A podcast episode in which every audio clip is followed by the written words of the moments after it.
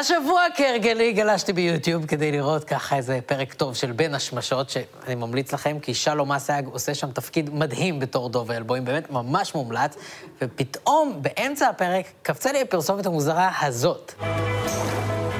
צריך לבודד את המבוגרים. זה לא הגיוני לעצור חיים של מדינה שלמה.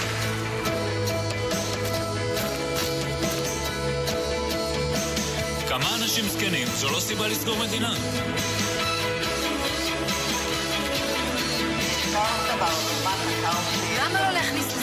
רק את המבוגרים ולשחרר את הצעירים להניע את השוק? אז רצינו להגיד לכל מי שדאג, תודה.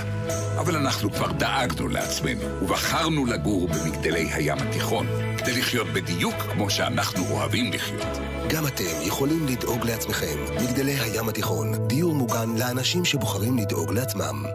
אה, אוקיי, קודם כל יוטיוב, שאפו על התרגות. אני מנחש שבין השמשות זה מה שגרם לכם לחשוד.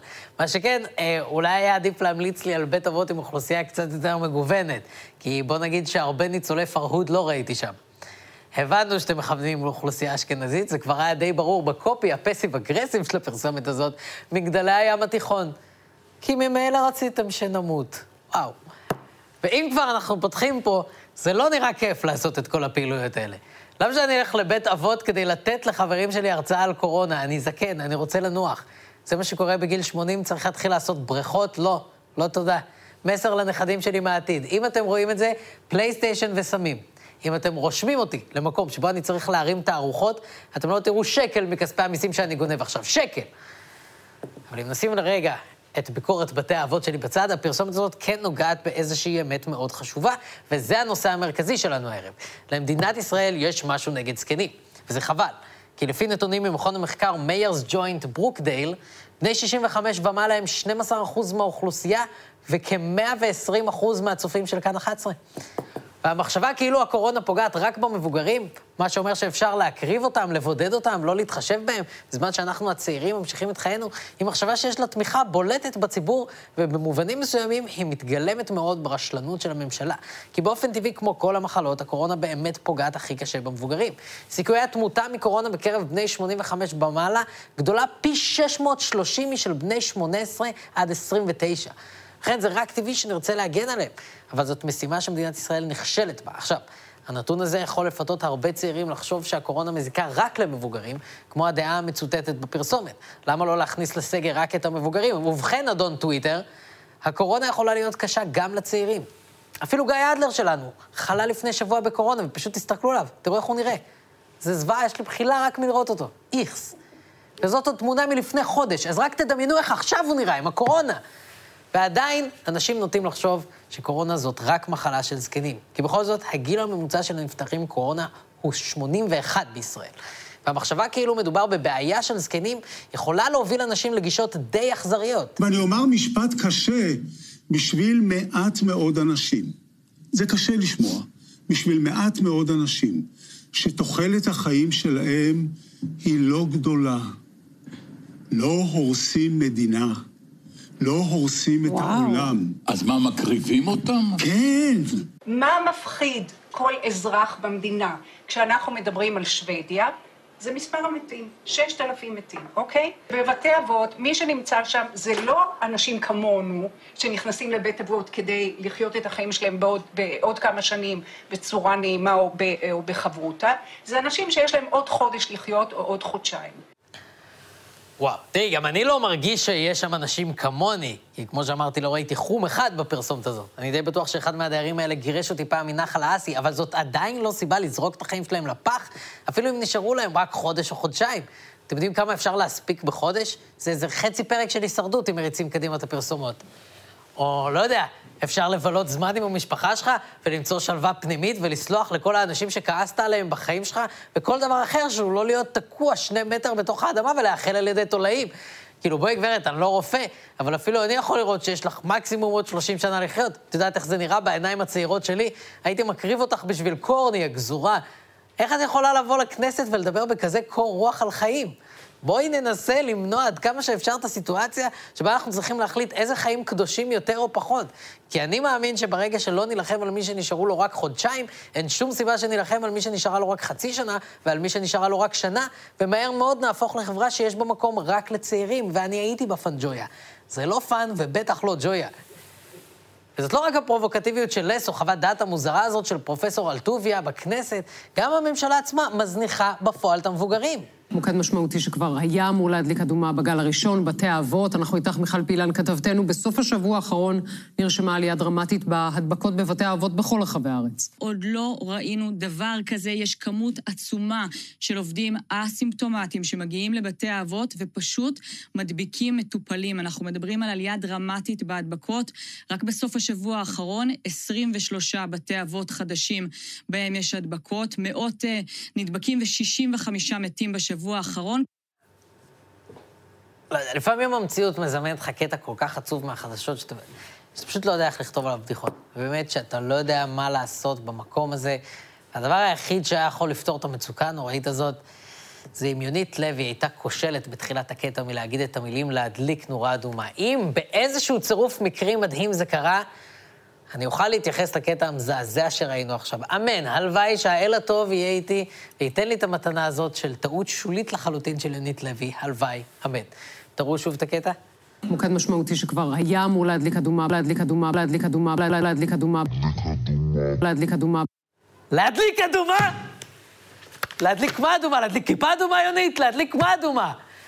וואו, בני גנץ מרגיש עכשיו סיפוק. מי לא יודע לדבר עכשיו? היי אוי אוי אוי יונית.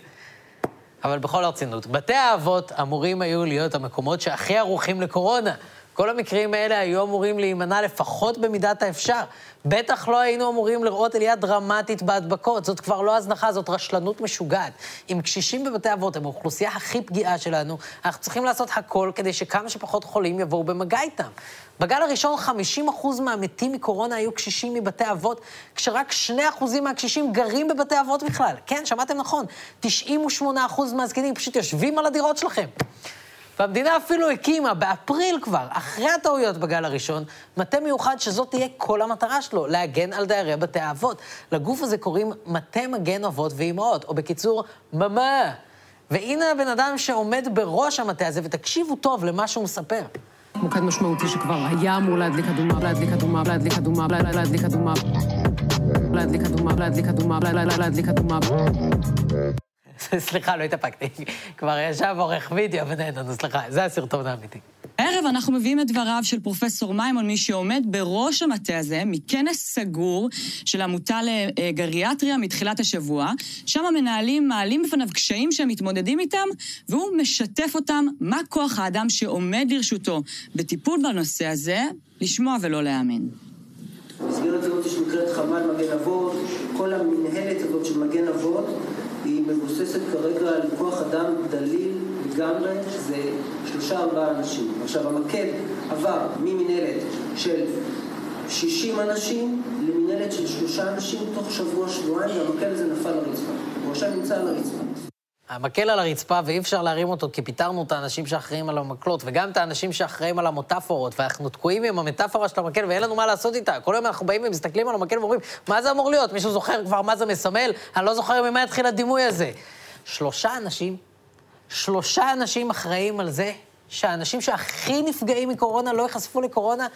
אפילו במערך בריאות העופות במשרד החקלאות ופיתוח הכפר יש 22 עובדים. אני מדגיש, מבחינה בריאותית, במדינת ישראל עדיף להיות ציפור מלהיות זקן. אני ראיתי אתמול יונים מאכילות סבתות בכיכר, זה מה שקורה.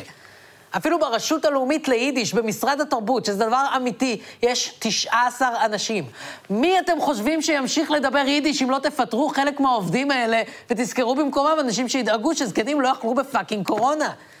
כי הקיצוץ הזה במטה מגן אבות ואימהות הוא לא במקרה, הוא משקף הלך רוח ממשלתי, מדיניות סמויה של ממשלת ישראל, שנשמעת בדיוק כמו הדברים של פרופסור לס. לממשלה לא כזה אכפת מזקנים. ואתם יודעים מתי היינו צריכים לחשוד? כנראה ברגע ההוא. כפי שראש הממשלה ציין, אנחנו ב... בציבור המבוגר, אנחנו צריכים לכבד אותם. צריכים לראות איך ש... להאריך את שנתם. ואנחנו במדינת ישראל, הקשישים הם אה, בין הכי גבוהים בעולם. אם אני לא טועה, 82 לגברים, 84 לנשים, משהו כזה. ואנחנו צריך, צריכים לשמור עליהם. זה שמסתובבים אצלם כרגע, זה בעיה קצת. הביקור חולים כרגע, זה צריך קצת לשמור ולא לא להסתובב. בכלל לא צריך להסתובב. מצטער, הייתה לי רק איזו שיחה חשובה, אבל פתרתי את זה. תודה. אה, כן, התקשרו מהזקנים, הם כולם מתו עד שסיימת משפט. איזה הסתערות על הבעיה, ליצמן. באמת, זה כאילו ליצמן לא מבין שהוא בעצמו בן 72. זה כאילו שתהיה עכשיו מחלה מסתורית שתוקפת תימנים, ואני כזה, אה, מה המצב? לא, התימנים הם חשובים לנו, נעשה אה, מה שצריך. די. כבר בשלב הזה היינו צריכים להבין שלמדינת ישראל לא אכפת מהזקנים. והיינו צריכים להבין את זה במחדל בתי האבות בגל הראשון ובמחדל בתי האבות בגל השני, אבל לא נדלקה לנו אדומה, ועכשיו אנחנו צריכים להבין את זה. ממשלת ישראל מוכנה להקריב את הזקנים, ואני יודע שזאת אמת קשה, אבל אין הרבה מה לעשות מולה. הדבר היחיד שאני יכול להציע לכם זה הסתה. כי במקום לחשוב על הזקנים בתור האנשים שהם, בני האדם עם החיים, ההיסטוריה, החיבור אליכם, במקום לזכור אותם ככה ולהתבאס ולהרגיש רגשות אשם, בואו נזכור אותם בתור בומרים מרושעים שלא יודעים להתנהג. אין בעד מה. זהו, סיימנו. תודה רבה, לילה טוב.